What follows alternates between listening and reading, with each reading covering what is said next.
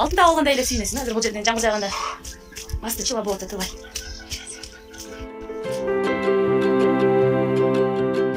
кантип айылга барам элдин баары америкага кетип атат кайра мен артка кетип атам деп аябай оор учур болду депрессия болуп жыйырма салам уй бар болчу. Энем экөөбүз садык анда мен ондусайм энем ондусай саламатсызбы? Мен элиза кененбаева. Назарыңызда азыркы кыргызстандык подкасты бул жолку каарманыбыз баткендин кадамжай районунун өзбекстан менен чек аралаш аймагында жашаган блогер айпери ганыжан бардык ошол жакта кайын журт менен турабыз да ошондо. Чын айтканда жолдошум экөөбүз тең иштейт бирок күнүмдүк э, тирилик менен эле кетип күнүмдүк оокатыбыз өтүп анан э, үй салган жер участок алган ошондойго топтонгонго эме болбой калдык. Ачыгын айтканда.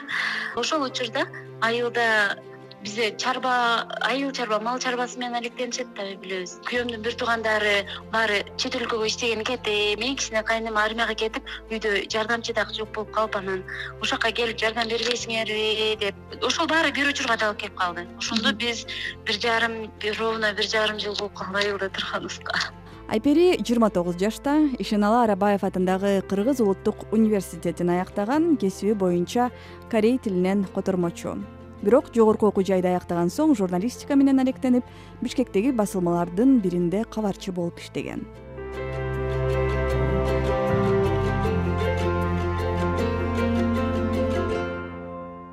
Айпери азыр шаарда иштеп жүрүп айылга көчүп кеткендер абдан аз дээрлик жок десек дагы болот. Баарыбыз эле чоң калааларда же чет жакта жашаганга умтулабыз. Айылга барып э, жашаганга оңой эле макул болдуңбу? Негизи аябай оор болду. Ошол чечимге келиш дагы оор болду. Анан ушунча жыл жүрүп мен ушунча жасаган аракетим максаттарым бир эле учурда уурап калды деп айтса болот. Ошентип анан кантип айылга барам элдин баары америкага кетип атат ушул эле кореяга кетип атат. Ошол учурларда подружкаларым дос кыздарым европага кетип атышкан окуугачы магистратурага. Анан баары кетип атса мен өзүм айыл кайра мен артка кетип атам деп аябай оор учур болду депрессия болуп анан кийин бара бара ушул баары бир көнүп кетет экенсиң башка айта албай жүргө болуппу үйдөгү тиричилик кадимки эле айылдагы турмуш башкага келип калды айылга барасың огороддо иштейсиң кайра тоого чыгасың тоодо мал жандыктар бар. Айылда той топурларга катышып ошентип анчалык баштагыдай оор болбой калды. Нан жапканды билчү эмесмин. Анан ошолорду үйрөнгөнгө туура келди. Плюс жактарын көрө баштадым деп айтайын. Кандай плюс жактары бар экен? таза абасы болду. Анан кийин бүт продуктыларды мөмө жемиштерди өзүбүздүн бактан алчубуз да. Сүт айрандар хотя ошол нерсе болот деп анан кызым дагы айылда жүргөндө ооруганы азайып калды да. Ошол жакшы жактарын издегенге аракет кылып аттым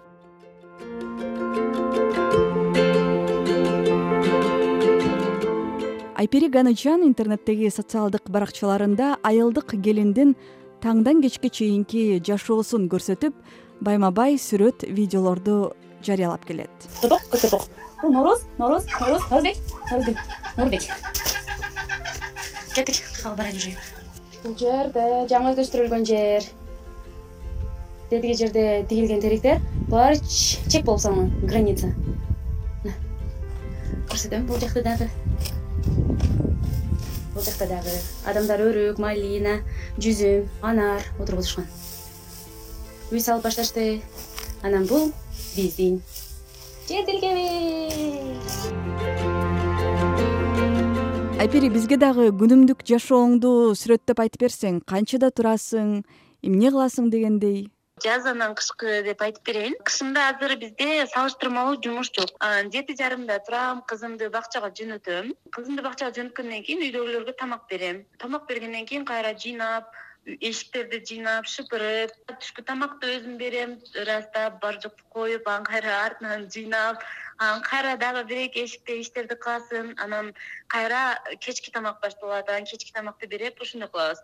А жайкысын бир аз бир аз эмес өтө эле кыйын болду. Анткени саат беш жарым алтыда туруп жыйырма салам уй бар болчу. Энем экөөбүз садык анда мен ондусайм энем ондусай тамак бересиң үйдөгүлөргө короо жайды ырастап кайра сүт тартып кол менен каймак тартып анан кийин сүттү бышырып сүт бышкандан кийин каймакты кайра сары май кылып күйгүзүп анан уюган айран болуп калса сүзмө сүзмөгө даярдап даяр болуп калган сүзмөнү курут жайып төрттө кечки тамакты даярдап коебуз анан кайра алтыда кайра саамга киребиз саамдан эки саат болот саат сегизде чыгабыз кечки тамакты алдын ала даярдап койгом да тамакты ошол тамакты берем.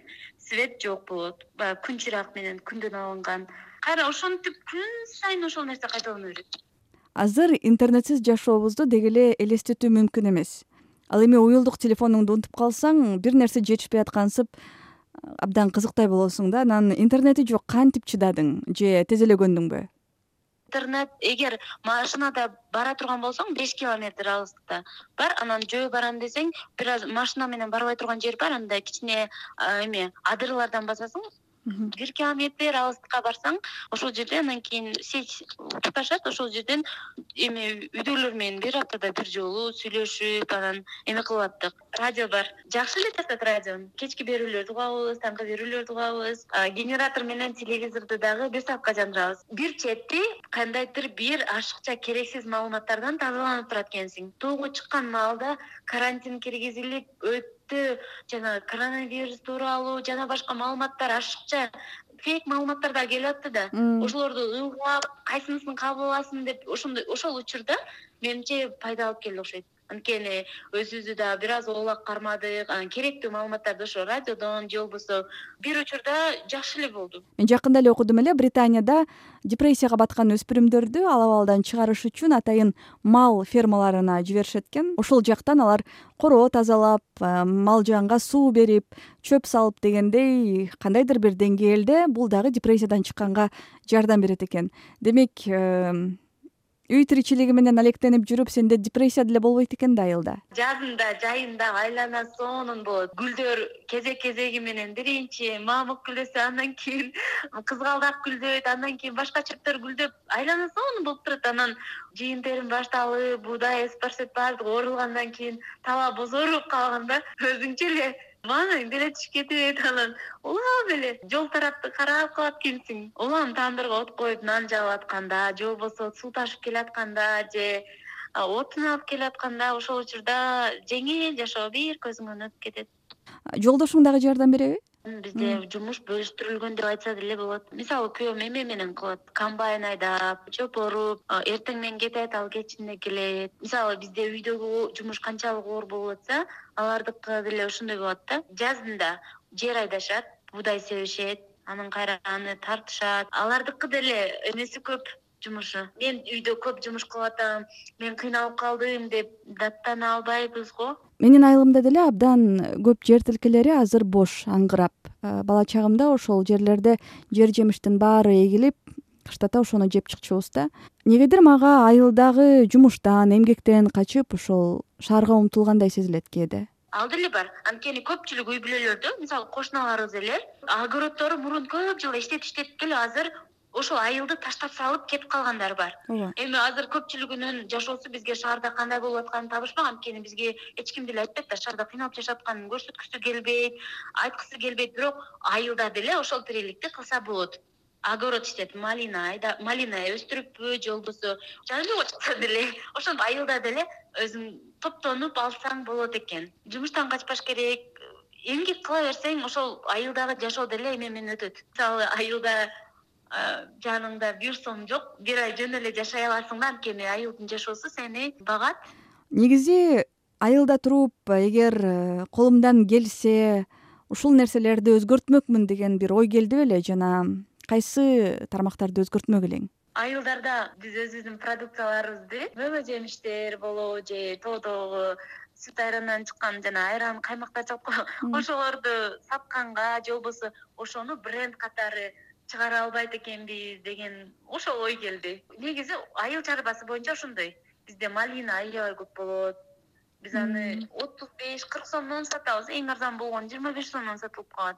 Ал башка жактара кеткенде эки жүз жүз үч жүзгө чейин жетип калган күндөр болгон да. чакасыбы же килограммбы килограммын жыйырма беш сом килограмм анан билим алган боюнча бизде орус тилине болгон муктаждык дагы көп. Анан мектептен кийин мектептен кийин балдардын эмеси билим алуусу ооба аракет кылышат көпчүлүгү. Бирок өтө эме аз адам бир класста жыйырма беш адамдын бешөөсү гана эмелерге барат. Эң башкы баягы баланын келечегинде пайда убал эме болуп коет. Билими мектепте алган билими. Ооба акысыз бирок сапаты кандай? Балдарга кандайдыр бир билимин кеңейтүүчү эмелерди ачса деп. Анан бир учурда мен ойлогом аялдарга эми аялдар үчүнчү кандай кайсы бир топту уюштуруш керек экен ушундай депрессия учурунда баары бири бирин сүйлөшүп бири бирин колдоо үчүн кандайдыр бир фонд коом уюштуруш керек экен деген ойлор келди анын ишке ашышы деле оңой эле болуш керек бирок ошол эле үйдөгү тиричилик. Чет өлкөдө билим алып келгендер кыргызстанда иштеп ошол билимин кыргызстанда кыргызстандын келечеги үчүн пайдаланса э, деген ошондой оюм бар ниет. Ошол мамлекеттик деңгээлде система өзгөрүп өлкөбүз өнүксө жакшы болот эле. Бир учурда ой келди жана шайлоодо күзүндөгү парламенттик шайлоодон кийин уже кыргызстандан кетиш керек деген бир эки күнгө созулган ой келди. Анан сен кетип калсаң бул жакта бул нерсе улана берет да деген. Мен бул жерде туруп эле мен баардык нерсени өзгөртөм деген жокмун ошол эми тамчыдан көл куралат да. Мен деле ушул жерде кала берсем ушул жерде иштесем канча пайыз өзгөртө алам билбейм бирок өзүмдүн салымымды кошсом деген ой болот экен. Чоң рахмат сага айпери жакшытырмын жакшы сүйлөштүк. Рахмат.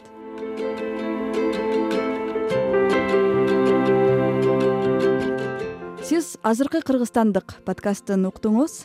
Бүгүнкү каарманыбыз айылдык блогер айпери ганычан болду. Берүүнү мен элиза кененбаева даярдадым. Саламатта болуңуз